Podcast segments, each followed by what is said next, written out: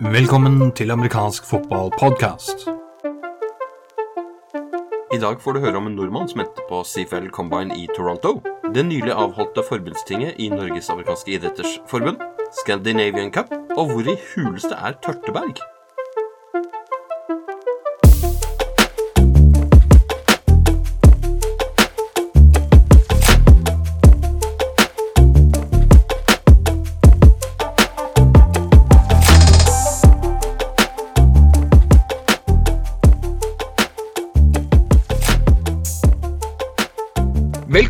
Til en ny episode av amerikansk fotballpodkast. Jeg sitter her med Jon Bakken og eh, Morten Hidsund.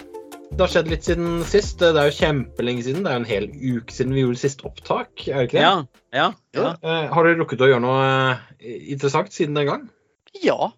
Jeg er blitt veldig, eh, som en konsekvens av disse her eh, samtalene vi har hatt i ny og ne, så er jeg blitt mye mer interessert i amerikansk fotball enn jeg var før. Merkelig. Ja, I en sånn grad at jeg faktisk har begynt å sitte meg ned og se litt på eh, litt sånne vilkårlige utenlandske kamper i ny og ne og litt forskjellig. Så ja da, så jeg fikk med meg serieåpningen til Kalanda Broncos mot eh, Thun Tigers.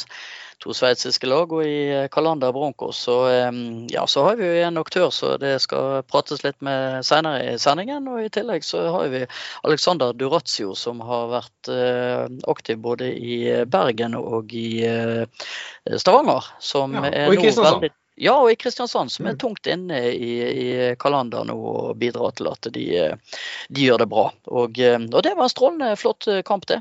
De vant eh, 49-21 eh, til slutt, Kalander, og skårte fort og ofte før Tun Tigers kom på banen. Men, men det ja, Før de kom på banen? Det er kanskje Ja. litt overraskende? ja, nei, vi har litt sånn i overført betydning der, tenker jeg. Ja, det var kanskje litt dårlig ordvalg. Ja. Nei, men jeg skjønte hva du mente, jeg, Jon. Ja, jo, ja. Selv Ja, om nei, ikke gjorde det, så skjønner jeg, jeg. jeg har ikke kjent dere i 60 år som dere har kjent hverandre, så det er litt sånn vanskelig å henge med her. Men, la Men smake eh. Jon, det store spørsmålet her er Mm. hvilket språk livestreamet de på? De eh, livestreamet på eh, eh, tysk-sveitsisk. Som er en litt sånn eh, grov, litt lengre bak i halsen versjon av eh, tysk, eh, hvis man kunne tro at noe sånt eksisterte. Og i tillegg så var han ene han var helt åpenbart en amerikaner, for der kom det noen sånne der «Sjøg første downer innimellom. Så det at han var helt tydelig en amerikaner. Men i med fall, de pratet i vei, de, og jeg, jeg forsto enkelte ting. Eine briljante pass, f.eks. Det, det er tysk og betyr at det var sikkert en briljant pasning. Så, Ja. så eh, jo da, det, man lærer litt av eh, sånt òg. Vi har en fordel at eh, vår idrett er litt internasjonal fra før av, så det, det er liksom ikke Det helt umulig å henge med på alt. Nei, nei, Mort- Morten, det Morten har gått en uke. Har du gjort noe utenom å herje rundt i borettslaget ditt? Nei. Hva har vi da? Jeg kan fortelle deg, altså I går så var jeg gikk en lang tur med bikkja på tre timer. Det er vel stort sett det som liksom er eh, sjokkerende nytt. Du var jo nesten i nærheten av svenskegrensen, du da? Nesten, nesten, ja. Ja, ja. Men ellers så men sånn er skjer, så skjer det ikke stort her. Det er ikke noe, ingen som driver med noen ting. Det er jo ikke noe fotball eller noen ting her, så da får han ikke gjort så stort. Når, han er så, når, når, når interessen er så snever, sånn at han liksom sitter med blir, blir det sånn. vet du. Ja, men det nærmer seg. Morten. Det nærmer seg sesongstart forskjellige steder. Ja da. Så det blir vel noe. Men Jeg ser at jeg må, Hadde du gått eh, hele veien til Sverige, så kunne du faktisk sett eh, seriestarten der, for den eh, var jo nå nylig. ja, men jeg må lære av Jon, tror jeg. Ja, hvis du ikke har tenkt å gå hele veien, så kunne du sett Ja. noen livestreams muligens. Nå har jeg faktisk ikke fått med om Stockholm Mean Machines mot Ørbro Black Knights eh, ble livestreamet. Det var en spennende kamp for øvrig. 26-23 til eh, Oi. de slemme maskinene. Ja. Eh, og det er jo et interessant lag å følge med på, basert på at de skal spille i Scandinavian Cup, som vi kommer inn på litt seinere i sendingen. Jon, du var inne på noe annet. Og det var at du snakket om Broncos, Canada Broncos i Ja. Sveits. Og en som har vært der, det er eh, Nikolai Falk Knutsen, som var en norsk trener som var hentet ned for å være med eh, Broncos som en defensiv trener. Og eh, han er jo da defensiv koordinator i Kristiansand Gladiators. har med Mats Eriksen Flåt å gjøre, og det er et navn som har vært på alles lepper en periode nå, basert på de resultatene han hadde på CFL Combine i Oslo, som førte han helt til Toronto og CFL Combine der. Vi har tatt en prat med Nicolai Falk Knutsen, og det har du her. Jeg sitter her med Nicolai Falk Knutsen, defensiv koordinator for Kristiansand Gladiators. Velkommen til deg, Nicolai. Tusen takk, Jan Magnus. Veldig hyggelig å få lov til å være her. Eh, det er veldig hyggelig for oss å ha en eh, såpass erfaren herremann. Du har jo begynt, begynt jo din eh, fotballkarriere i Oslo Vikings, først som spiller, inkludert solid innsats på bl.a. U19-landslaget, om ikke jeg, jeg, husker helt feil. Og så har du tidligere, også vært trener da, både i Norge for Oslo Vikings, i Sveits for Calanda Broncos, og ja. tilbake i Norge igjen for Kristiansand Gladiators. Eh, det er en spennende reise i seg selv, som vi kan kanskje komme tilbake i en annen eh, setting. Men det betyr at du har en del erfaring.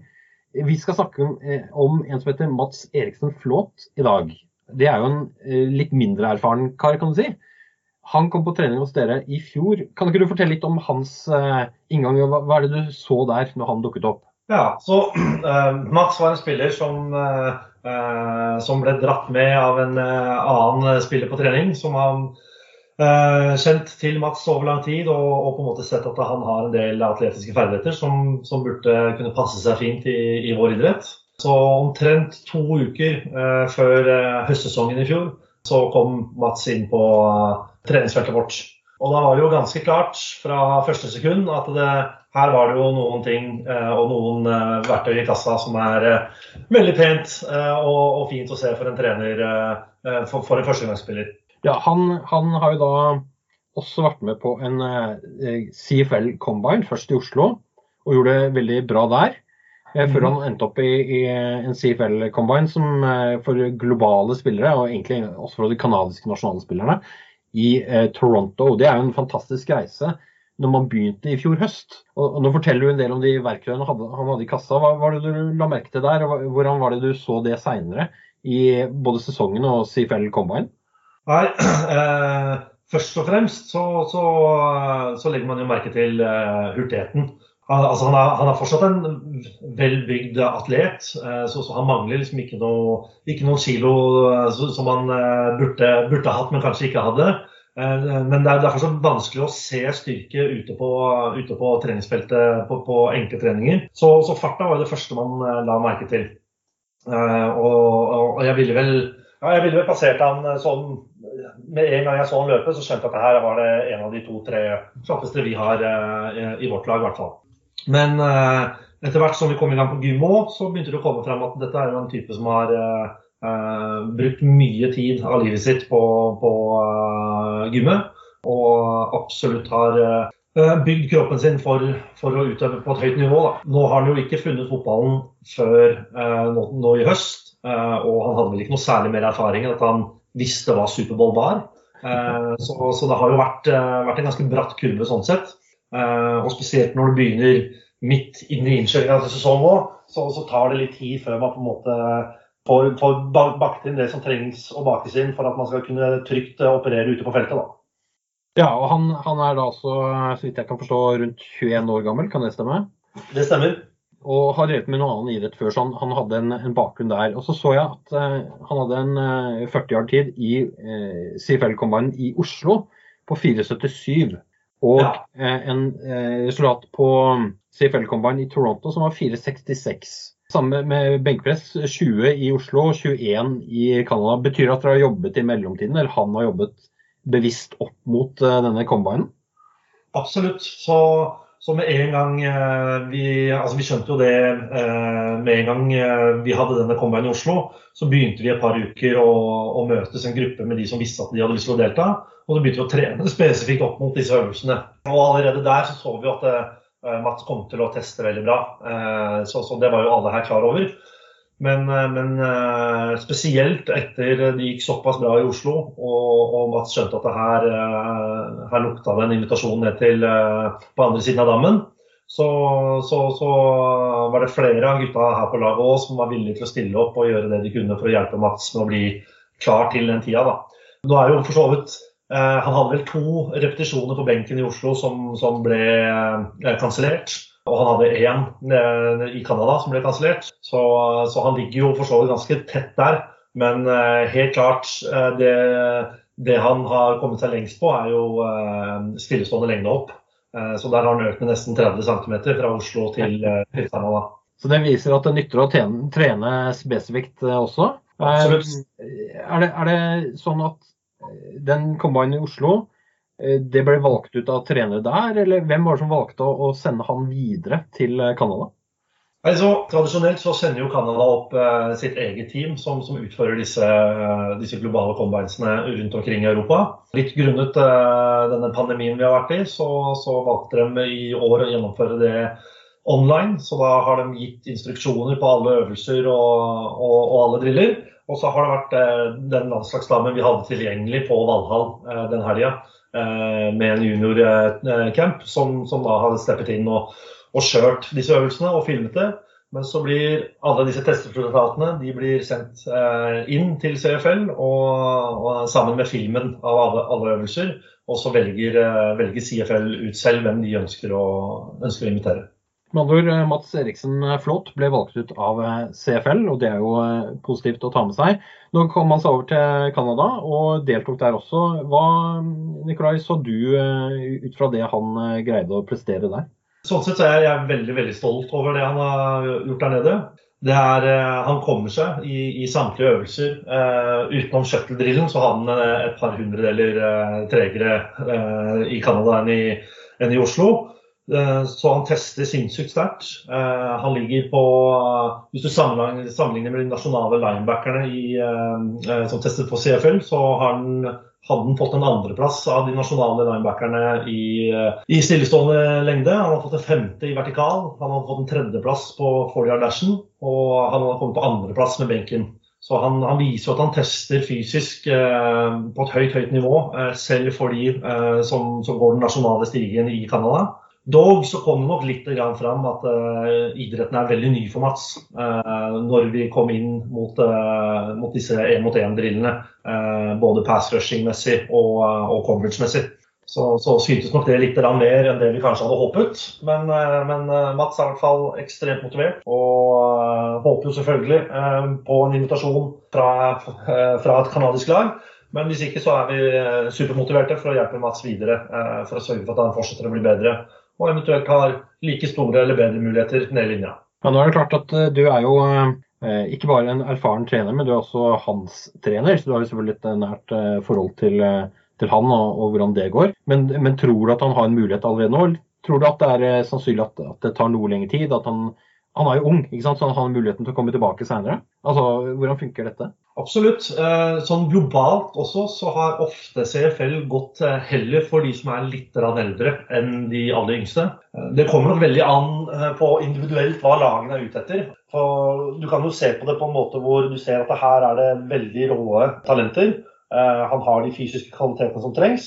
Og hvis det er et lag som skulle finne seg en situasjon hvor de syns det er gøy eller spennende eller har lyst til å utvikle det, så, så, så, så finnes det selvfølgelig en mulighet eh, for å få en invitasjon.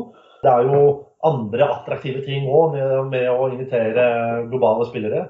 Eh, så det ser jo både pent ut i media, og, og det skaper en interesse og en fanbase og andre steder. Så, så, det finnes jo ting som gjør at det kan være veldig interessant. Dog så skulle jeg tro at eh, eh mest sannsynligvis så ønsker man nok heller å se eh, notere seg navnet til Mats og se hvor ligger han an neste år, neste runde. Skulle jeg tenke er den naturlige tanken. Men det, det vil jo tiden vise. Det blir spennende å se. og så er det sånn at eh, Kristiansand Gladiators skal jo bl.a. spille i Scandinavian Cup eh, utover våren, i tillegg til eh, norske eliteserien på høsten. Eh, du er jo defensiv koordinator. Eh, forutsatt at du har, eh, har, Mats med deg i troppen. hvilken rolle ser du for deg at han får der? Så vi har, vi har, jobbet med Mats eh, både på linebacker og safety eh, fra han begynte. Eh, og med kanadisk fotball, som er enda mer pasningsorientert enn amerikansk fotball. Litt større bane, litt mer bevegelse på receivere fremover og kun tre downs. Så vil jo pasningsdelen være et mye større del av linebacker-spillet i CFL enn nødvendigvis hva det alltid er i amerikansk fotball. Så han kommer hovedsakelig til å spille eh, safety for oss, men han kommer til å ha roller hvor han jobber nede i boksen og hvor han får eh, smake på både litt pass rush og både litt eh, run stuffing, eh, som vi så godt kaller det. Sånn at vi prøver å tilpasse sånn at Mats får alle de verktøyene han trenger for å eventuelt lykkes videre. Ja, jeg kan jo notere oss at han har eh, både styrke og hurtighet. så eh, med, med, hva du liker å gjøre av forskjellige ting, så kan det vel hende at han dukker opp på en eller annen blitz og hilser på noen quarterbacks framover også. Så det blir spennende å se. Ja, Nikolai, Nikolai Falk Knutsen, tusen takk for at du tok deg tid til å være med oss. Bare hyggelig å bli invitert. Det var eh, det Nikolai hadde å si. Har du noen eh, kommentarer til, eh, til det vi hørte her? Ja, nei, jeg syns jo det er fascinerende at uh, de kan klare å, å oppdage uh, sånne relativt uh, godt fysiske talenter sånn nærmest ut fra intet, eller bare nærmest ut fra utseendet. Han, han, så ut som han passet. og så kom han inn og, og, og, faktisk passet og viste seg og en del ferdigheter og sånn. Og, men jeg syns det var veldig, veldig, artig å høre det som han nevnte om at med litt, med litt god, presis presis eh, oppfølging, treningsoppfølging, så, så, eh, eh, så, er det faktisk mulig å forbedre seg ganske mye på relativt kort tid på enkelte ting også. Stille lengde, 30 cm, ikke så verst det også. Det som er interessant, er jo det at han har holdt på med sporten såpass kort tid. Det er jo det som er interessant. Så det er klart at det er helt tydelig at han har et talent. Så det blir spennende det blir... å følge med på. Ja, Altså, også, altså det er to ting. At han har det talentet han har. Eh, og så er det spørsmålet er liksom eh, Gidder vi å prøve oss igjen neste år?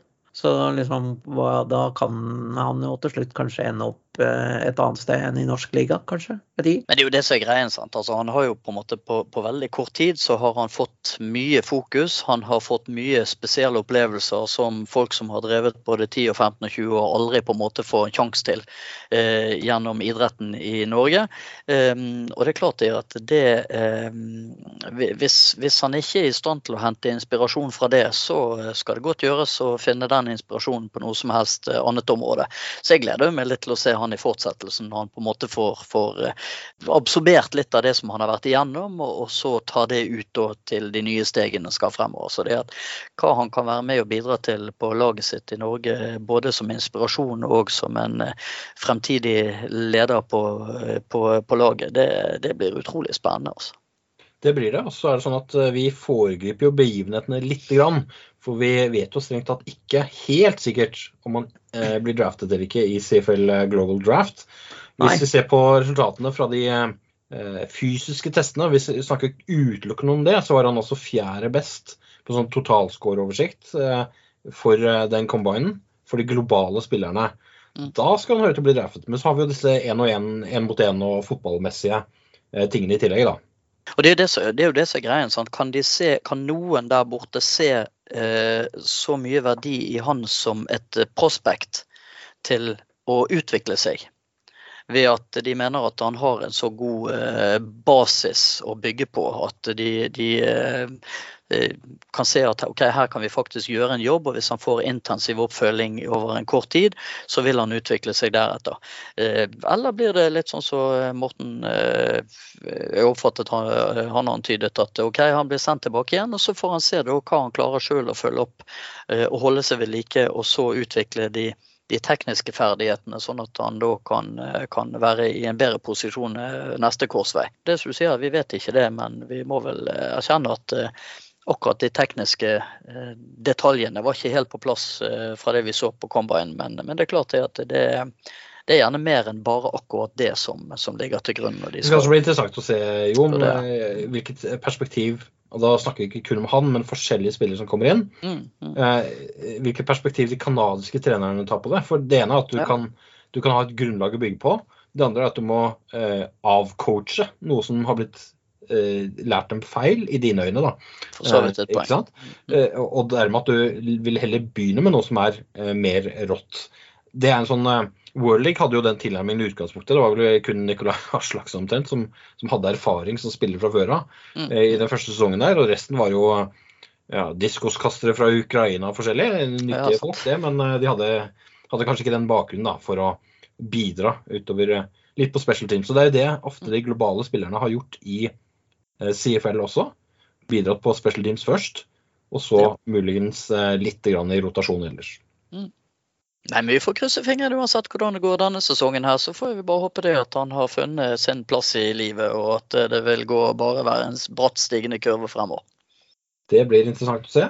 Vi har eh, noe annet som har sånne interessante kurver. Eh, opp og ned og, og bratt og, og litt sånn. Og det er noe som heter forbundstinget, Jon. Ja! Ja. Der, ja, eh, det snakket vi om forrige gang òg, at det skulle være digitalt i år. Det var jo kjekt for de som kommer fra Provinsen, hva sier det, Morten. eh, Provinsen. Jeg vet ikke om jeg skulle si bra, Ja. eh, provinsen eller, eller eh, grisgrendte strøk. er kanskje et Ja. mer eh, presist begrep. Eh, men internett, det har dere fått. Modemet fungerer. Ja, ja. Og, eh, kan ikke du fortelle litt, Jon, du var til stede på dette digitale forbundstinget. Hvordan funka det? Er det sånn at hørte alle hverandre? Ja, det var inntrykket. Det er klart veldig mange hadde både mikken av og kameraet av, så, så antall eh, aktive deltakere, det er jo ikke godt å vite hvor mange det var. Men eh, det var egentlig en, en veldig stor, brokete gjeng med, med folk fra fire forskjellige idretter. Eh, Og i den, eh, siden hine hårde dager og forrige millennium, når jeg satt som president, så har jo cheerleading, som var en liten sånn eh, tilleggsgreie og, og brøt ut av eh, sitt eh, lille skall den gang da, eh, har jo blitt den desidert største aktøren i, i dette her flere idrettsforbundet. Og en slags lokomotiv for Men, men hvor mange deltakere oppfattet du at det var da? Um, så vidt jeg eh, husker, så var vi vel eh, Var det et, noen og 60, eh, 60 stemmeberettigede? Ja, i området 60 stemmeberettigede eh, på dette her. Og det var mye disksportfolk som var til stede. Og så var det jo en og annen lacrosseklubb, og så var det en haug med cheerleaderklubber, og så var det noen amerikanske fotballklubber. Ehm, og så er det jo som årsmøter flest. Det er altfor få i forhold til hvor mange eh, klubber og aktører det faktisk er. Men, eh, men OK, det, det jeg, eh, med, med, fare for å, å, eh, å si, trekke opp eh, gamle kjepphester, så er det klart at det henger en kultur i veggene der som, som, eh, ja, som jeg synes å kjenne igjen fra tidligere. Vi hadde jo bl.a. et eh, et desperat ønske fra, fra et av forbundene om å få endret noen regler i en arbeidshåndbok som, som styret jo har for for å kunne håndtere en del av disse arbeidsoppgavene og utfordringene de har på en god måte. Eh, Som de ønsket noen små endringer i, og styre, ønsket jo ikke å, å ha de endringene. Mens eh, unisont i, i eh, delegatene så, så var det helt klart at ja, de de ønsket å i hvert fall markere seg. Så det at Disksport fikk igjennom et par av de forslagene som de hadde, som jeg for så vidt syns er helt på det rene. For det, det handler jo litt om at årsmøtet er på en måte det øverste organet og det øverste myndigheten til enhver eh, organisasjon. Og da, da må det være mulig for, for eh, eh, for, ja, for årsmøtet å gi, å gi styret en, en, en anvisning om hva retningen bør være. Jon, jeg har et, eh, et viktig spørsmål her. Fordi eh, selv om det var sikkert en taleliste, altså det var så mange delegater, så var det sikkert en taleliste eller annet for å holde orden på folka. Ja. Var det allikevel sånn at det var en bergenser som snakket mest? det kommer an på hvis du spør en kar som, eh, som eh, holder til litt syd for Oslo, så var det gjerne eh, en bergenser som snakket mest. Og så kan jo jeg sitte her og si at det var gjerne en kar fra litt syd for Oslo som snakket mest. Eh, Men, nei, men saken var den at vi, vi jo da, jeg, jeg, jeg hadde noen Jeg, jeg ga noe støtte til, til, til en del av disse her eh, sakene. Og, og, jeg kan nok forestille meg at det satt noen, eh, det satt noen personer i, i, i bakgrunnen der som ikke var på skjermen, som eh, rev seg i, i håret til tider. Jo, ikke nødvendigvis fordi at jeg sa var så nødvendigvis så feil, men det er klart det at jeg har jo poengtert eh, opp gjennom historien at eh, forbundet det skal være til for, for klubbene. Og det er det viktig at de Ja, men det er viktig at de, de husker på det. Og så kan de, og så kan de mene og synse så mye de vil, men, eh, men årsmøtet er den desiderte desidert eh, sjefen i en sånn organisasjon. Og da må man faktisk bare innrette seg med det. Også. Det er det som er litt morsomt. altså De som sitter i forbundet Nei, jeg skal være snill, men altså Det inntrykket jeg har av de som holder på med vår sport, det er at de sitter og liksom tror at de er Altså vi eh, utøverne er til for de. Sånn har det jo vært lenge. Men hva er som, gir deg den oppfatningen, Morten? Nei, det er måten, måten ting blir gjort på. Uh, og, og jeg ser jo det at jeg er ganske tungt inne i håndball, uh, så jeg har litt å gjøre der.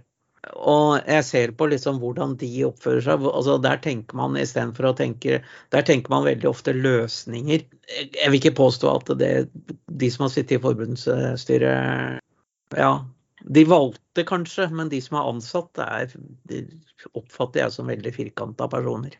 Men jeg må jo si det, det er en av de tingene som vi på en måte tok opp der, og som var en del av eh, Som ble litt sånn belyst underveis. Da, dette her med, med relasjonen fra, fra forbundsstyret og, og klubbene, og det faktum at eh, forbundsstyret består av eh, enkelte personer som ikke representerer direkte sine respektive idretter. Sitter som leder og nestleder og styremedlem og sånn. Og så har du da disse her eh, representantene som kommer fra hver av disse idrettene her, og ser deres dertilhørende personlige varer. Og det som slo meg som, som jeg ikke offre, altså, et, hadde ofret en tanke til å begynne med, var det at eh, på årsmøtet så skulle det velges Altså man skulle stemme over Disksport sin representant og personlig vara. Alle skulle være med og stemme på det. Som, som om chair og amerikansk fotball og lacrosse har noe som helst med å gjøre og skulle være med og heie frem hvem som skal representere deres idrett. Og det syns jeg var litt underlig, at eh, nå, nå, nå har jeg skal jeg slå meg litt på brystet her og si at jeg har holdt på med idrettsorganisasjon siden jeg var 19.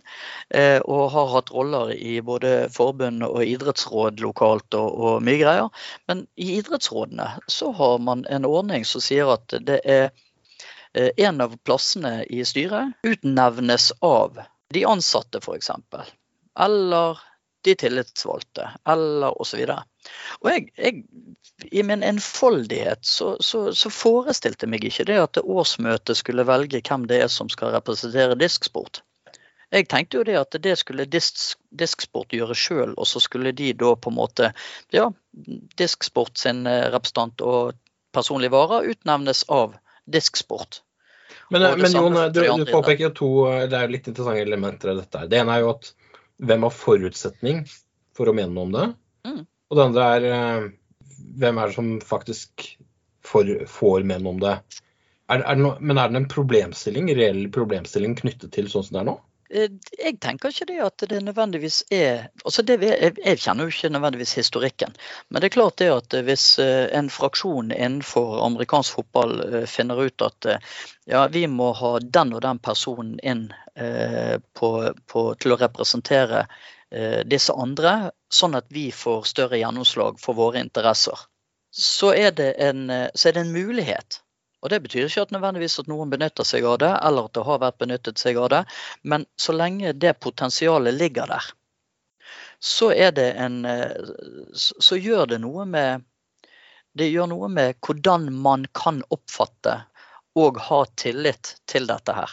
Det er jo en eh, Jeg syns jo det er rent organisatorisk så er det betenkelig at, at jeg skal, eh, som da er tilknyttet amerikansk fotball, skal ha en skal kunne ha en mening om, om hvem det er som skal representere disksport. Eller cheerleading. Eller lacrosse. For det blir jo, det blir jo eh, essensen i dette her. Ja, ja, men samtidig, hvis du tenker på forbundet som en én demokratisk enhet, Mm. Så er det jo alle får være med og stemme type tankegang, ikke sant? Jo da, og, og, og det tenker jeg på de der posisjonene i styret som, som eh, er litt eh, Hva skal vi si, som er litt uh, uavhengig av den uh, idrettslige eh, gren, altså uh, gren, grentilhørighet. Og, men, men, Så skal, så, skal dette de, så skal eh, de representere alle, sant. det- Dette er et interessant annet perspektiv, og det er nesten tilbake til det Morten snakket om, med ansatte versus eh, valgte, f.eks. Mm, mm. Fordi det blir fort et spørsmål om hva har vi demokratiske prosesser på, Mm. og hva legger vi til en eller annen enhet. Enten det er demokratisk innenfor den enheten nå, eller det er typisk ansatte, da. Ikke sant?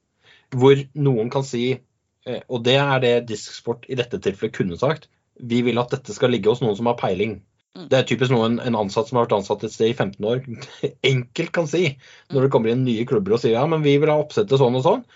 Og så vet de om 15 problemstillinger som, som de kunne unngått å bruke tid på, hvis de bare fikk styre selv. Mm, mm. Ja. Ja da, og det, var, og det var jo også litt dette her med Og det var også en, for så vidt en, et innspill fra Disport. Eh?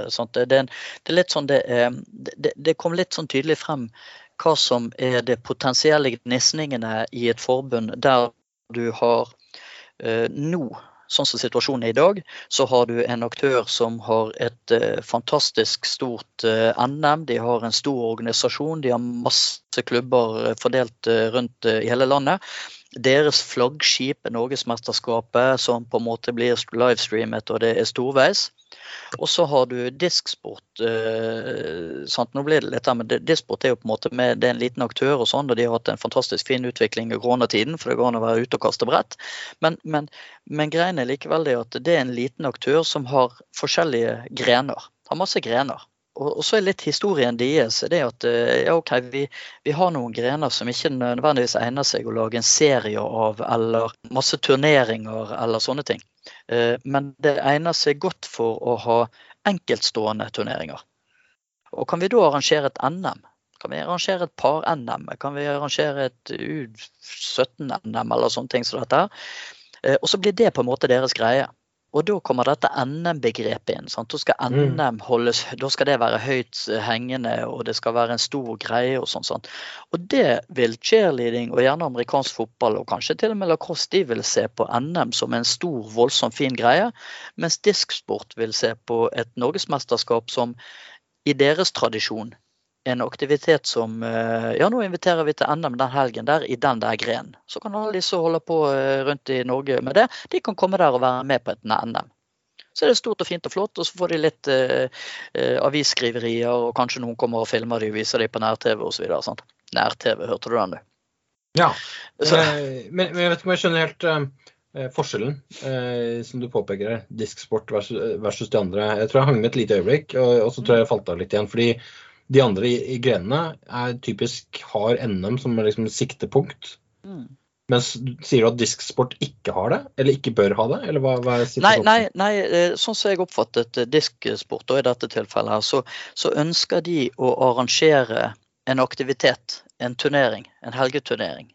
Og har muligheten til å kalle det at deres eh, faglige vurdering er at vi kaller dette et NM. Mens innenfor det regelverket som eksisterer i forbundet nå, så kan ikke de gjøre det fordi at eh, forbundsstyret bestemmer hvor høyt NM-begrepet skal henge. Og hvor stort arrangementet skal være. Og du må ha hatt en pågående serie i tre sesonger eller noe sånt. for det alle Ok, Men Jon, det betyr at du, du påpeker det samme som For å trekke en parallell, da. Mm. Amerikansk fotball har en utfordring med at eh, klubbene har gjerne et en større nedslagsfelt enn en kommune. Mm. Mens idrettsrådene typisk er en, en kommune, og tildeling av baner er en kommune. Mm, mm. Så man får, en, man får en utfordring der. Og du sier egentlig i overført betydning eh, disksport har den samme utfordringen med her med hvordan man tenker om arrangementer og NM og den type ting. Er det Mm. Ja. riktig Ja, forstått? ja, ja, ja, det er sånn jeg oppfatter det. Mm. Mm. Så de får ikke, de får ikke altså de får ikke lov å eh, arrangere et NM innenfor en av sine grener. Eh, hvis de finner ut at ok, nå skal vi på en måte lage noe av dette her. Vi lager et Ja, men eh, altså, det, vi, det vi egentlig sier, det er at eh, cheer, eh, amerikansk fotball og Lacrosse. lacrosse eh, sitter og bestemmer hva eh, disse sendeplategutta skal holde på med. Det er jo det vi sier. Ja, vi skal i hvert fall bestemme hva de ikke skal holde på med, for de skal Ja, ikke holde ja, på med ja. NM. Mm. Nei. Og det, det, det, det, Ja, nei, det, det er jo ikke Jo, men det sant, men det, men det er jo det som er det. Er jo en, det er jo en kime til en konflikt, og det viser litt sånn kan si, de forskjellige typer utfordringer de forskjellige idrettene har. sant? Og det ja, der er, og, det er litt ja. morsomt, det. For at, at vi, det er tre andre sporter som skal fortelle den andre sporten at nei, du, dette skal ikke du leke med. Ja, det, altså nå, nå er det forbundsstyret og det regelverket de på en måte har satt, eh, si, lagt til grunn her, som bestemmer det. Så er det jo Kan man da prøve å pense inn en lovendring, og det forsøkte jo Disksport i dette tilfellet her. Fikk ikke gjennomslag for det. Det var, det var to, to tredjedelers flertall for å ikke eh, gjøre endring i, i, i, det regelverket som gjorde at de da fikk eh, vurdere dette faglig sjøl. Um, og, det er klart, eh, det er en, eh, men det er en utfordring. Sant? Det er en stor organisasjon. og Chair er jo, sant? De, de hadde jo sitt første NM i 2001. Og, og, vi, og vi, satt jo i forbundsstyret. Sant? Når Pia var med i, i 96 og 97 når jeg satt som president, og, og hun var litt sånn fjetret fordi at eh, hun skjønte ikke det helt når jeg sa til henne det. At ja, men selvfølgelig skal dere ha en hel haug med penger fra medlemskontingentene. Sant? For de har jo vært vant til å betale inn til fotballklubbene de har tilhørt i alle år. Sant? Men det er klart at de var en selvstendig idrett. Det skulle de bli, og her, nå skulle, skulle, dere gjøre deres egen ting. Men det er klart, hvis de kriteriene som ligger til grunn i dag for å organisere et NM, lå til grunn den gangen, så er det ikke sikkert at det første Chair-NM var i 2001, og kanskje heller ikke i 2002. Um, så, så, det, er litt det der, det er litt det der perspektivet også, at man ikke helt må glemme at man har vært kalv, og, og at andre idretter har andre både utfordringer og andre perspektiver på tingene. Sant? Så, så, det var en interessant dynamikk. Sant? Jeg har ikke vært på årsmøte på, i amerikansk fotball eller i dette forbundet her på, på ganske mange år etter hvert. Eh, men, eh, men det er nå så vidt eh, trådt inn igjen tilbake her. Også. Så man har, man har som fleridrettsforbund så har man noen utfordringer på det nivået. Men på den annen side, ja. har du kun én idrett, så har du jo forskjellige utfordringer i Bergen og i Oslo eksempelvis. Ja. Been there, done that. Så det er jo sånn er det jo. ja, interessant. Altså, hvor mange medlemmer er det de har i disksport, da? Ja, Nå har ikke jeg eh, totaltallene så jeg eh, oppfattet. Det ligger rundt en 13 500 på alle fire. Eh, ja. Men det som, altså det som Disksport sjøl opplyser eh, sånn på nettsiden, det, det, er at de har ca. 4500 medlemmer. Og det er klart at eh, Hvis vi da har, hvis forbundet arrangerer 13 500 medlemmer, så er det en ganske stor prosentandel. Det er mer enn den ene fjerdedelen som de, eh, som de består av i forbundet. Sant? Ja, så, så. Eh, det, det, er litt artig. Altså, hvor lenge skal de holde på å, å eh, å si, nekte disksport å gjøre ting før man finner ut at nei, her vil vi holde på alene. Mm. Nei, nei, men, men, her var det et eh, konkret eksempel, Jon, og de har sikkert en del mm. fordeler også. Dette er vel greia både med egentlig fleridrettsforbund og i det hele tatt å ha enheter. Mm. Eh, så lenge man er samstemt om at her er det en fordel, det er en stordriftsfordel av et eller annet slag, så holder man seg innenfor det. Og i det øyeblikk det, i hvert fall over tid, er så mye friksjon, at, at, det er mye mer hensiktsmessig å komme seg til helsike ut av hvilken en organisering man er i, ja, så er det jo det ja. man gjør, ikke sant? Ja, ja. ja da. Så det er klart det er det, det, er det som er interessant. Hvor lenge gidder de å være med? Ja. Fordeler og ulemper, og så må det veies opp eh, kontinuerlig. Men det er greit, de fikk noe gjennomslag for eh, for noen endringer. De eneste eh, si, eh, sakene som var innsendt av, eh, av eh, klubbene, det var to eller fire saker da, som Disksport sto for. Ellers så var det relativt strømlinjeformet resten. Litt diskusjon på økonomi og litt diskusjon på hvor pengene skal og litt sånn, sånn som det alltid er. Og, og... Ja, interessant. Var, var, det noen som spurte om den lønnsforhøyelsen til Lønnsutviklingen, i hvert fall. Ja, lønnsutviklingen. Var, no, var det noen som satte spørsmål? Ja, det, det, ble, det, var en som påpekte at det var besynderlig at eh, personalkostnadene til eh, forbundet var høyere enn rammetilskuddet fra Norges idrettsforbund. Det var det. Ja. Det var bare én? Eh, var det fra disksportmiljøet? Nei, det var det ikke. var, det, var det fra fot, amerikansk fotball? Det var det. Eh, var det en person i, eh, fra provinsen? Noen vil nok gjerne uttrykke det sånn. Ja. kan, kan, vi gå så langt og si at den personen var fra Vestlandet, eller? La oss si det sånn det at eh, det, er, det er en av de deltakerne her i denne sendingen. Ja, ja, og Der røpte du jo at jeg deltok under falskt navn på formuestinget. Det var dårlig gjort, Jon. Altså, sånn er det. Ja, nei, det var ikke meningen å oute deg på den måten. Uh, nei, men, altså, fikk, fikk, du, fikk, du, noe svar på det? Noe fornuftig ja, da, svar? For, uh, ja. ja, for du, altså, noen andre får definere fornuften i det, men, men jo, jo, jo. Svar, svaret var vel egentlig det at det var, det var per, de, de, ansatte de var veldig, veldig viktige. Ja. Og, eh, og eh, at eh, forbundet på ingen måte var lønnsdrivende som, eh, som særforbund. Og det er for så vidt, det kan man gjerne si, men det er klart det at de er ni ansatte på det der forbundskontoret, og flere av de har en prosentstilling. Eh, og så er det klart Ja. det at lønns- per- lønnskostnader eller personalkostnader er mer enn bare utbetalt lønn, så den er for så vidt helt grei. Men, men jeg syns det er eh, det, det er 13 000 aktive medlemmer. Ja. Eh, Det som krever den absolutt aller største oppmerksomheten i form av arrangementer som forbundet er engasjert i, eh, er Skjer Mm. som for så vidt også genererer en viss inntekt til, til forbundet. Så alt det er helt på det rene. Men, men det er klart det at eh, i det øyeblikket rammetilskuddet ligger eh, om ikke en hel million, så i hvert fall nesten en million under bare kostnadene til de som jobber der, så, så, eh, så spørs det om ikke de har tatt eh, Altså det som jeg tenker, jeg tenker litt tilbake igjen på sjøl når, vi- når vi satt i forbundet. Ja, ja. Eh, Og, og det å sitte i forbundet, det medførte at man hadde arbeidsoppgaver som man tok på alvor, og så gjorde man sitt beste for å gjennomføre de. Men så er det jo samtidig sånn at eh, denne organisasjonen har kommet inn på, eh, på Idrettens hus. Eh, Og på Idrettens hus der sitter alle de store feiende flotte, og alle de små potensielt feiende flotte. Og så blir det en slags Har jeg inntrykk av at de som sitter i styret, et ender opp med at de, de, de får servert ferdig arbeid. Hva mener du, ja eller nei? ja. Eh, Og det er jo for så vidt eh, en måte å drive det på, men eh, da tar du vekk arbeids, den konkrete arbeidet fra styremedlemmene. Og da blir det sånne bedriftsstyremedlemmer som har 16 000 Ja, men- men vent nå, 000 Johan, i år. fordi- Eh, Jeg tenker jo på sånn at ansatte de er en administrasjon. Ja. Mens eh, de som er valgt inn, er de som skal tenke strategisk om ting. Altså retningsvalg, alt dette her. Ta de beslutningene på, på hvordan vi, vi ender opp. Sier du at, at de ikke gjør de strategiske vurderingene? De får noe servert som, som sier eh, dette er de retningene det kan gå, ferdig snakka, eller hva, hvordan er det?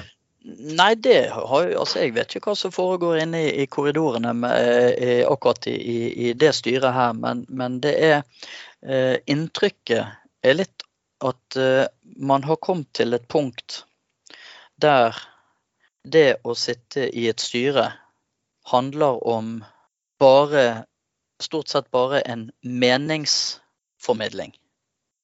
Og da er vi, da er vi kommet Da er vi kanskje Men kommet litt for meningsformidling hvor? ja, altså internt i styret om, om veien videre osv. Ja, okay. Men det er klart det at, mens, mens jeg tenker jo det at når jeg tenker tilbake igjen på gamle dager, når vi hadde en generalsekretær som satt nede på Grønland og, og, slik, og, og slikket frimerker, ja. så, så, så var ikke det bare general, generalsekretæren som uh, satte av timer hver uke til å gjøre forbundsarbeid. Nei, det var ikke. sant? ja det, er- det, og det er nettopp det jeg er inne på. med at uh, altså, Skal du drive noe i form av strategi og, og retningsvalg, så må du bruke tid på strategi og retningsvalg, og ikke få det servert. Eh, men, Jo, men altså- det er styrende for administrasjonen på den typen ting. Og så er, har, har du det er, det er litt tilbake til det vi diskuterte tidligere, med hva skal disksport avgjøre selv, og ikke sant, alt dette her.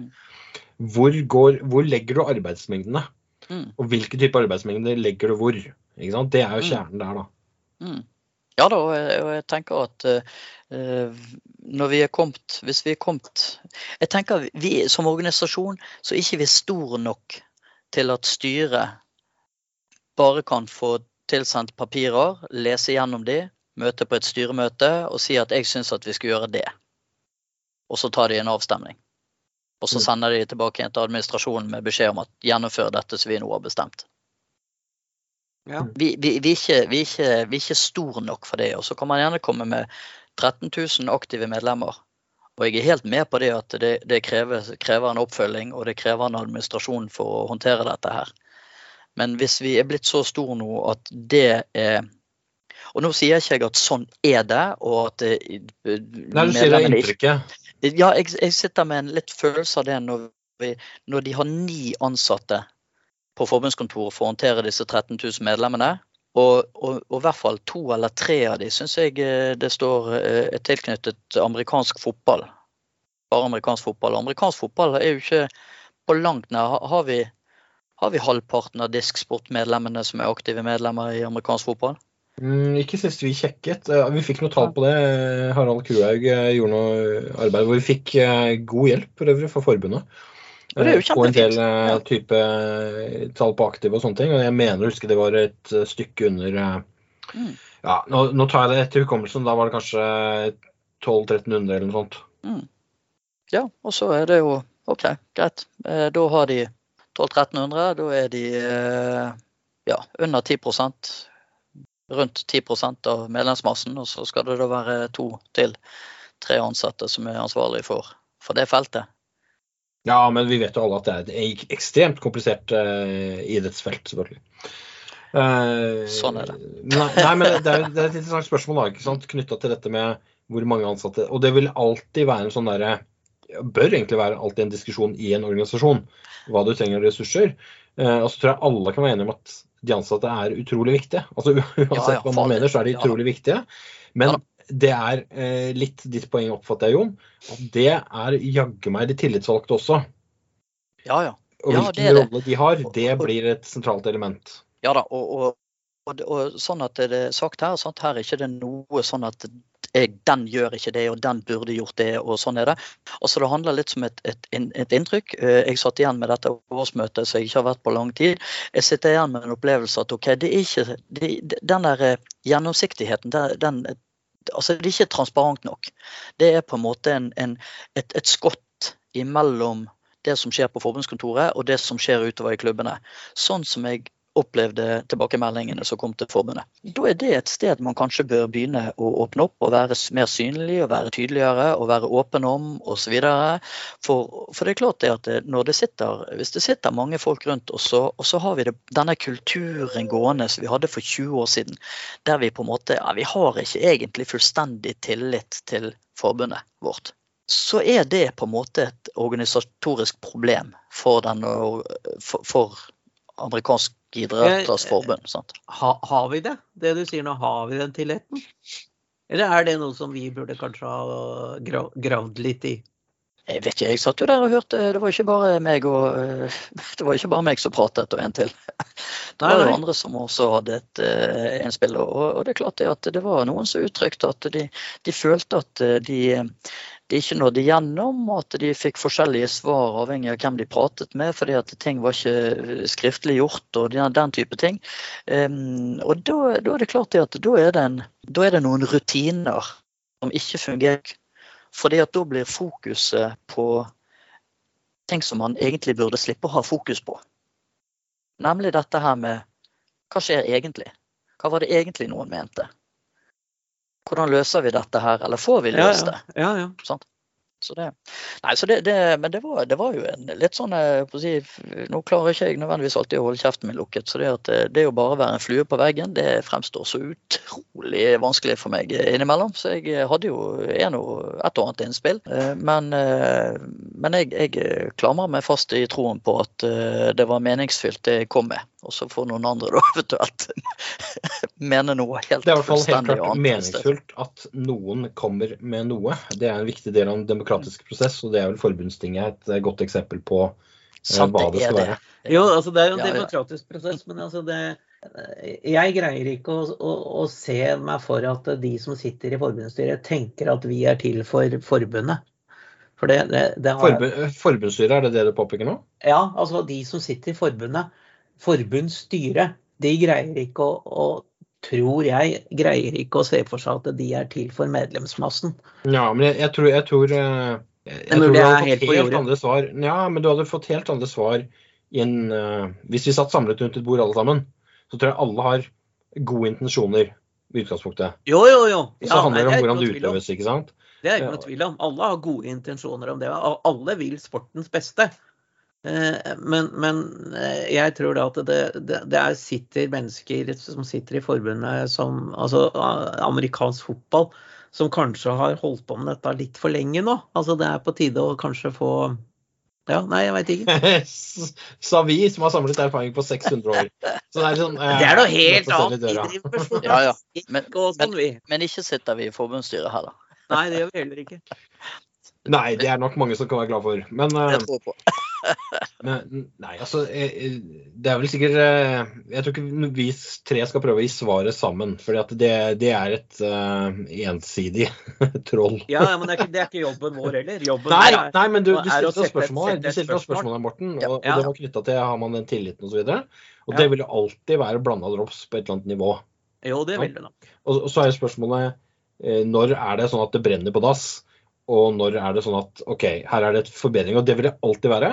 Og, og en viktig ting her, Morten, som du er liksom semi inne på, det er jo at når det kommer tegn på at, at du trenger å forbedre deg, fanger du opp de tegnene, eller ser du etter dem, eller er, det, er du blitt så arrogant at du ikke ser etter dem? Ikke sant?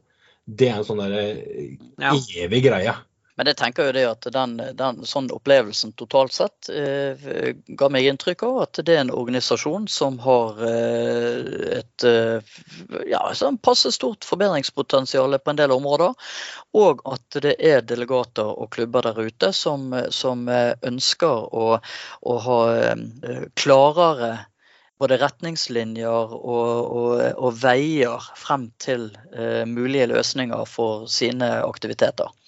Eh, og da er det i hvert fall et godt sted å, å begynne å følge opp og starte på den prosessen fremover. Så, så all honnør til de som eh, ja, så I dette tilfellet da var det, det sport som, som stilte en del spørsmål som, som påvirket deres eh, idrett. Og, og som de fikk god støtte av i resten av delegatene, da, nærmest unisont. Så det var, så det var positivt. Ja da. Ja, og det er, Nå eh, brukte du ordet positivt på slutten her, i tillegg til ja da, men vi dropper ja da, så tenker vi positivt. Eh, men men eh, det skjer mye annet positivt også. Blant annet så er det noe som heter Scandinavian Cup, som nærmer seg. Og vi har snakket med en som heter Martin Gusterud, som, som vi snakker litt mer med han i intervjuet om hvem han er også. Eh, La oss høre på det. Jeg sitter her med Martin Gusterud. Martin, takk for sist, og velkommen tilbake her. Jo, takk. Det er hyggelig. Du er jo eh, for mange kjent både som en tidligere, eh, i mine øyne, storspiller, men i hvert fall en spiller i norsk-amerikansk fotball, og ikke minst eh, mannen bak Am Sports TV, livestreaming, highlights, mye på filmfronten innenfor norsk-amerikansk eh, fotball. La oss begynne der, eh, Martin. Eh, Hva er eh, situasjonen for Am Sports eh, TV eh, i 2022? Nei, den er jo som det har vært de siste åra, det. Det er å prøve å nå ut til forbundet og, og få en, et samarbeid, og så se hvordan det går der. Jeg har sendt inn et, eh, et tilbud i år for å se om jeg kan få, få streamet litt, og så, og så tar, vi det, tar vi det derfra. Eh, Highlight-filmer har du gjort en del av tidligere. Er det noe du planlegger også å, å gjøre som en del av, av ditt virke? Tenker du på highlights da som er filmet fra sidelinja? Ja, da tenker jeg mer på ikke fra oppkuddede Altså ikke fra livestreamene og, og kameraene du har der, men, men highlights på enkeltkamper f.eks. hvor du er eh, kun for å gjøre fra sidelinje eller forskjellige andre typer vinkler. Vi får se. Det er jo ikke det som jeg satser og prioriterer på akkurat nå. Det går i livestream. Jeg føler det er, det er kult med highlights, men det viktigste er livestream. Eh, Så vi får det i boks først, så, så kanskje det dukker opp noen highlights her og der. Men det går jo an å lage highlights ut ifra hva jeg filmer på en uh, livestream også. Så det er ikke det at highlights blir borte. Det er mer det at det blir ikke de kule sidelinjene som, eh, som jeg lagde først. Selv om jeg også savner det. Det er jo noe av det kuleste jeg vet, er å lage sånne highlights. Eh, Når eh, det gjelder Eliteserien 2022, eh, du filmet jo Eliteserien i, fjor bl.a., så går jo den på høsten. Scandinavian Cup den går på våren. Er det en plan å filme noe derfra, eller hvordan ligger det an? Sånn som serien er satt opp der, så har jo Eidsvoll kjører jo sin egen stream, har jeg blitt fortalt. Og det de jo, har de gjort de siste årene. Så det blir ikke noe fra Eidsvoll sin side, så vidt jeg vet, enda. Og sånn som, sånn som serien er satt opp utenom det, så er det jo veldig mye som er trykket inn på samme helger. F.eks. Uh, mai 28. så er det jo tre kamper, og alle blir spilt samtidig i Norge. Så ut ifra de tre kampene så må jeg bare få én kamp. Så totalt sett så er det ikke så mye. Det ligger på, det ligger på to kamper totalt som jeg får, som jeg får streamet i, eh, i Skandinavia Cup. Så det er litt skuffende lite. Men sånn som det er satt opp, så er det ikke så mye jeg får gjort med det. Nei, men det blir jo eh, forhåpentligvis, da, eh, litt avhengig av hvilke avtaler som gjøres, og sånne ting, så kan det bli muligheter til å se noen livestreams utover, og, og gjerne fra Amsports TV-produksjon. Det blir spennende å se. Men, men, det betyr du har kanskje også et forhold til Scandinavian Cup og lagene der. Skal vi gå litt gjennom Det er jo to puljer som er satt opp. En pulje A med to danske lag, Aalborg 89ers og Søllerud Gold Diggers. I tillegg til uh, Tyresø Royal Crowns fra Sverige, som kom inn istedenfor Ørebro Black Knights, og da Kristiansand Gladiators. I den andre puljen, pulje B, så er det da to norske lag, Oslo Vikings og Eidsvoll 1814s, som møter to svenske lag, Stockholm Mean Machines og uh, Karstad Crusaders. De begynner jo å spille da, om eh, ikke så altfor lenge. 30. april til 1. mai er første kamphelg. Og så er det en ganske eh, tett, intens hva skal vi, er nesten som gamle norske serier. To eh, måneder ca. For allerede 18.-19. juni så er det en mesterskapskamp mellom vinnerne av de to puljene.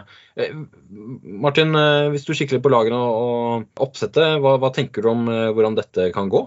Ja, vi, vi skulle nesten kalt de puljene North and South. Uh, for det er jo sånn Hvis du ser på det geografisk sett, så er det jo sånn det blir. Jeg har et håp om at det blir jevnt. Uh, og det er det det ønsker jeg så inderlig at det blir. Uh, ikke bare mellom norske og danske eller svenske lag, men at det er en jevn liga jevnt over. At, at lagene klarer å matche hverandre, og at det ikke blir noen overlegne seire.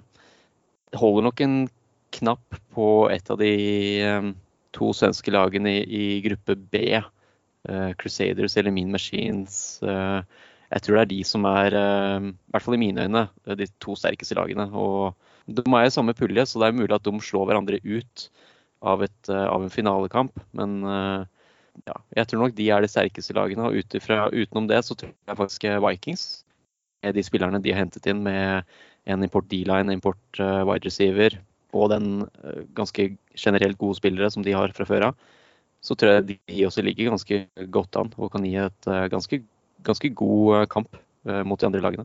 Eidsvoll 1840s uh, kjenner du selvfølgelig som spiller, men det, det, begynner å bli noen år siden.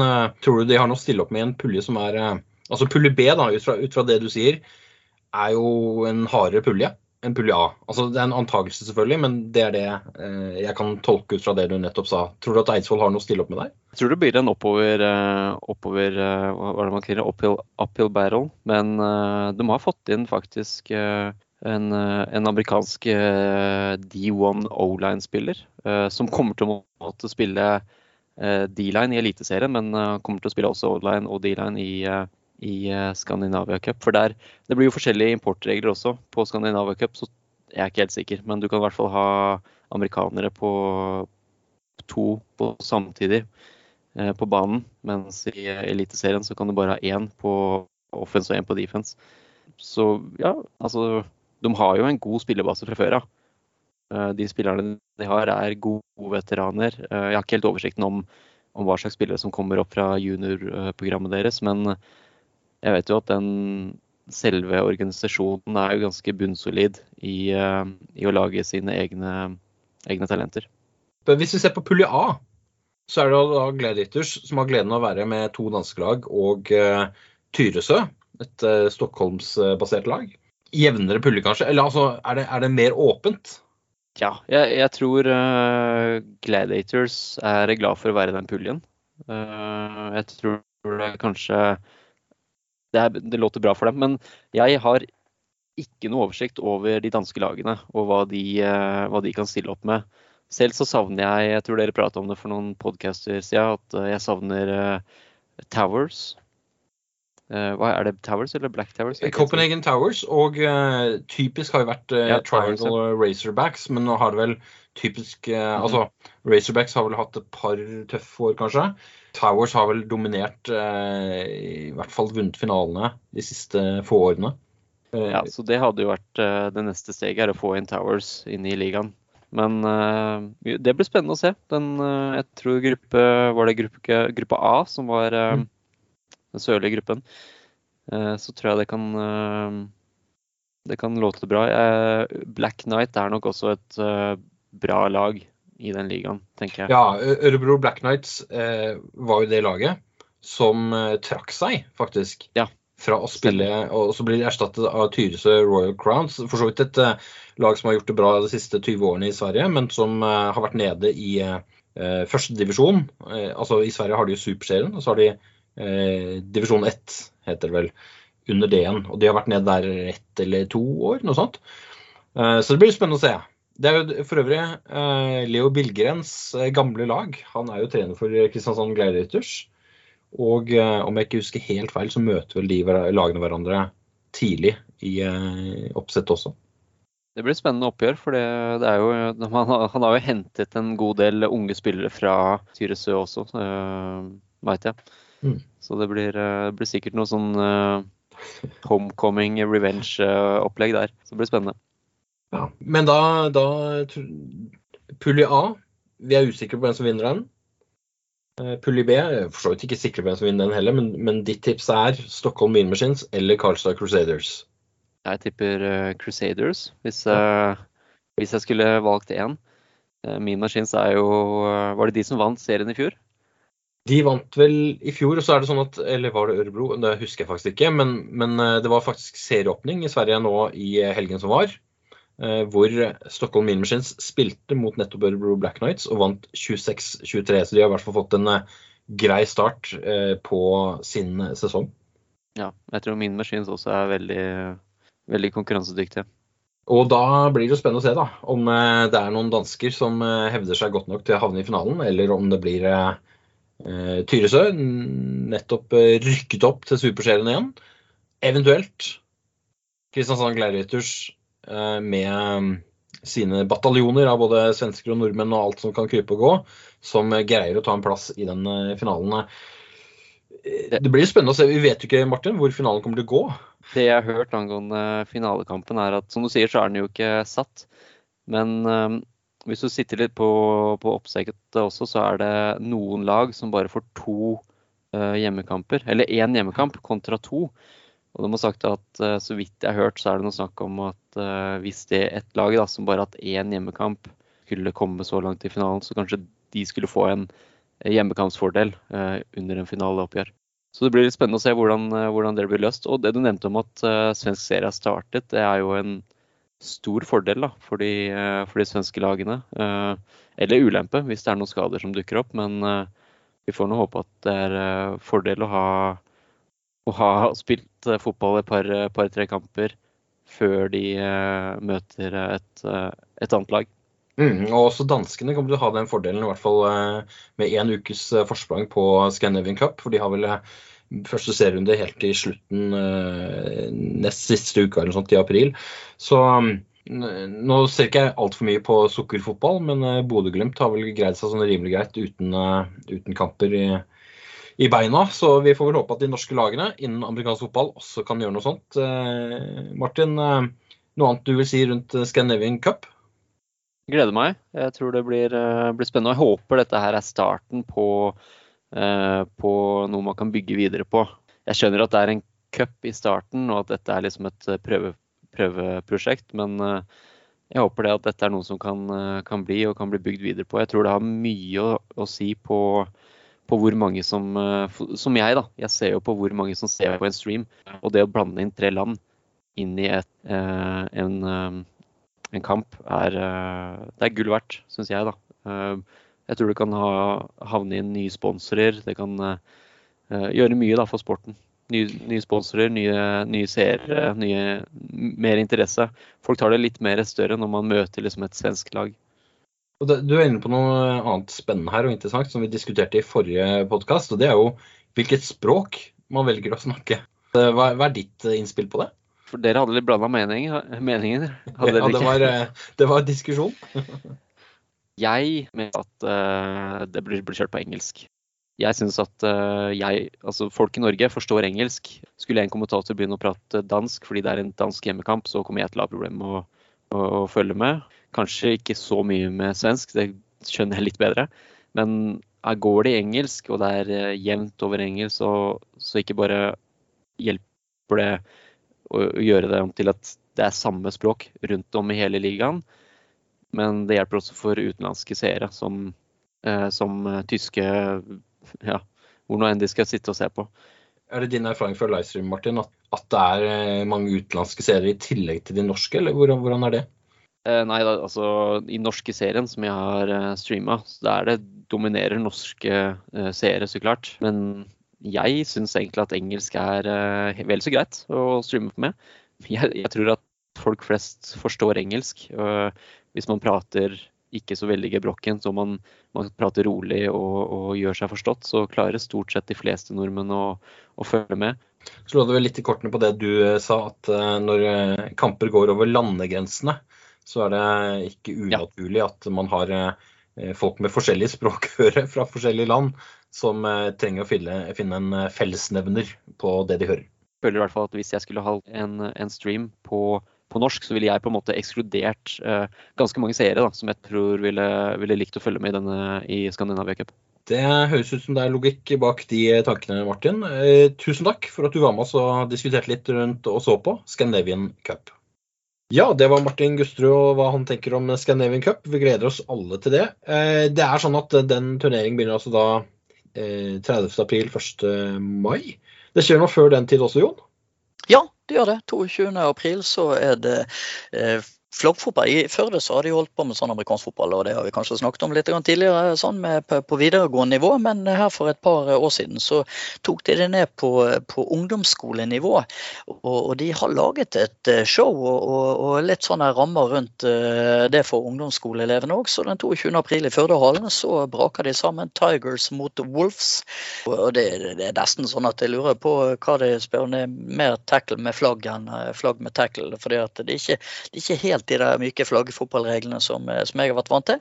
Men, eh, men, de gyver løs på hverandre, og det spilles eh, ordentlig amerikansk fotball. Og det er mange hundre tilskuere på tribunen, og det heier, og det er foreldre og besteforeldre, og det er klassekamerater og alt sånt. Og det er skikkelig show.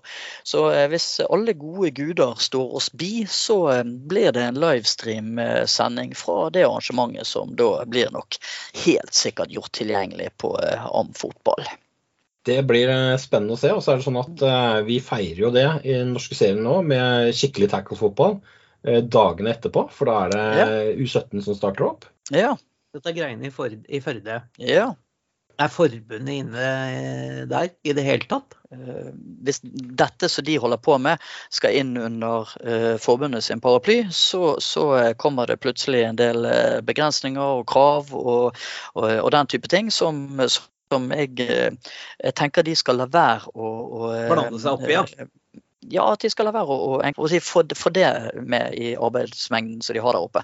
De har et fantastisk arrangement. De, de, kjøper det sikreste av utstyr og Zenit-hjelmer og alt mulig. De investerer i dyre dommer i dette her, og de jobber knallhardt for å få sin støtte. Og når de startet litt uh, forsiktig og kunne bare ha med de som var fylt 18, fordi at de kunne skrive under sjøl, ja. og skolene var skeptiske, så, uh, så gikk det et par år. og så omfavnet rektorene på skolen her oppe dette her opplegget. Og, og, og det ble skolerelatert aktivitet. Det er, en, det er, nei, det er helt fantastisk. Det er knallbra. Det er 1000 tilskuere på tribunen som hyler og skriker, og det er show i alle pauser. Og, nei da, det er, det er bare utrolig moro. Det er kanskje det er, like greit at forbundet holder seg unna?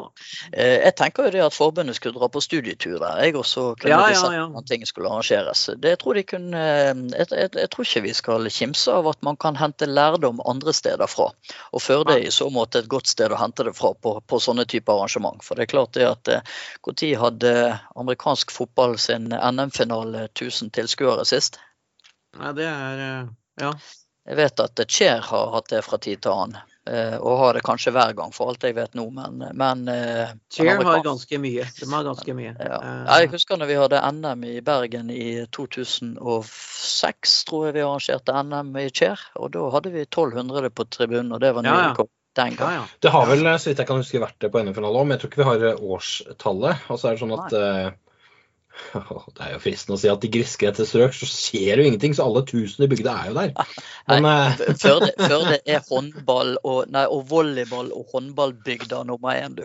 nå ødelegger det fordommen min. du må slutte opp. Ja, ja nei, men det, Eh, Men uh, det blir spennende å se. Jeg gleder meg til å se mer av det dem når de er inne i forbundet, selvfølgelig.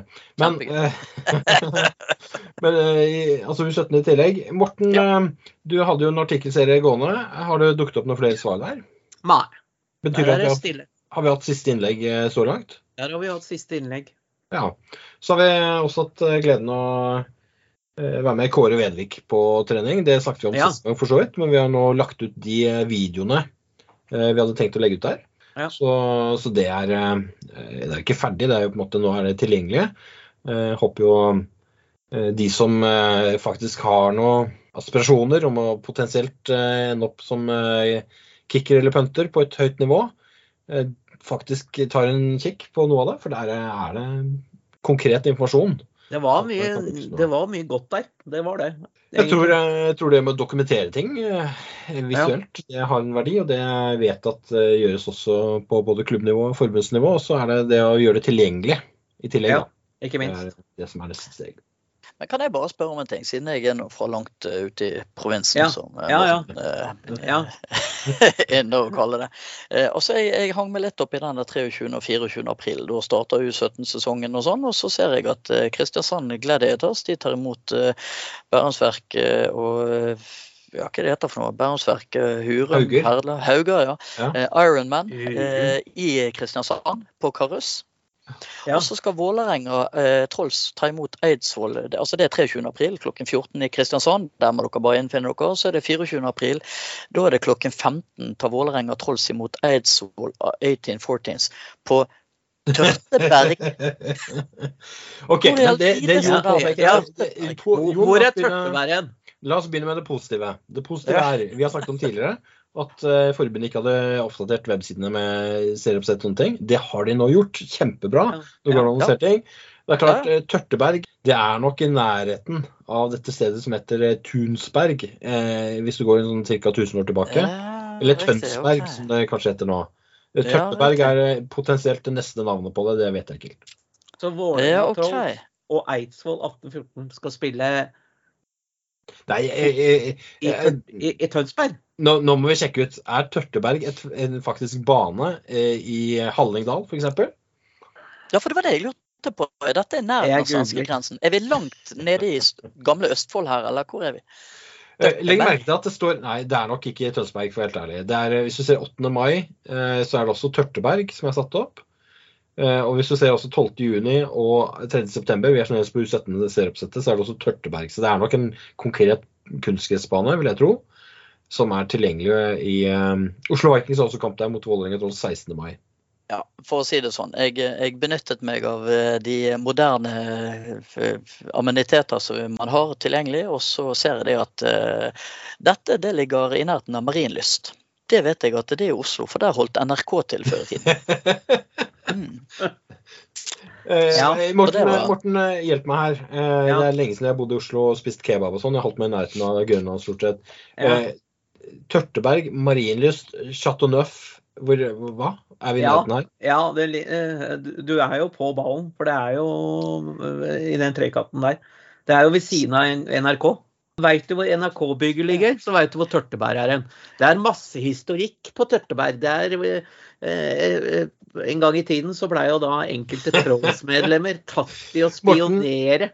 Gundalf Fjotlason hadde sitt første slag der. Ja, ja, ja. Nei, er Tørteberg er Problemet Morten, at når du begynner å snakke om det er masse historikk på Tørteberg, Ja. så hører jeg, jeg Oslo-losen. Det er Ja. på en måte der ja, ja. eh, Nei, men det er masse morsom historikk der, altså. For, det, for der, liksom, der har Vålerenga Trolls ligget i buskene og spionert på det som den gangen het Oslo Vikings. Ja, det er det ingen som gjør i dag. Nå bruker vi dronene våre til å Ja, ja, spionere. ja. Jeg kan Altså, det pinpointe det der helt nøyaktig for deg, Jarle Magnus. Det er rett over veien fra Frøen T-banestasjon. Ja. Ja, da er Ok, det ikke så langt fra nærmeste. Altså, Nei, det, det er jo så Slemdalsveien. Det er jo, det er Slemdalsveien. Altså, det er jo Det er et steinkast unna For en fantastisk diskusjon vi har hatt her, basert Ja. på det vi sannsynligvis eh, umiddelbart tenkte var en skrivefeil. Ja. Eh, men Og så er det noen som sier, er det noen som, ja, det noen som sier det at dette her programmet, det lærer man ingenting av. Hæ? Nei, nei, fantastisk. Nei, det er, det er bare et steinkast unna det er ingen tvil om at det er i hvert fall tre personer som lærer han denne podkasten. De, de greier å snakke. Ja, fantastisk. Ja, eh, jeg tror vi skal benytte anledningen til å fortsette diskusjonen inn i de sene nattetimer, eh, men ikke på lufta. Så vi sier tusen takk til deg som hørte på amerikansk fotballpodkast denne gang.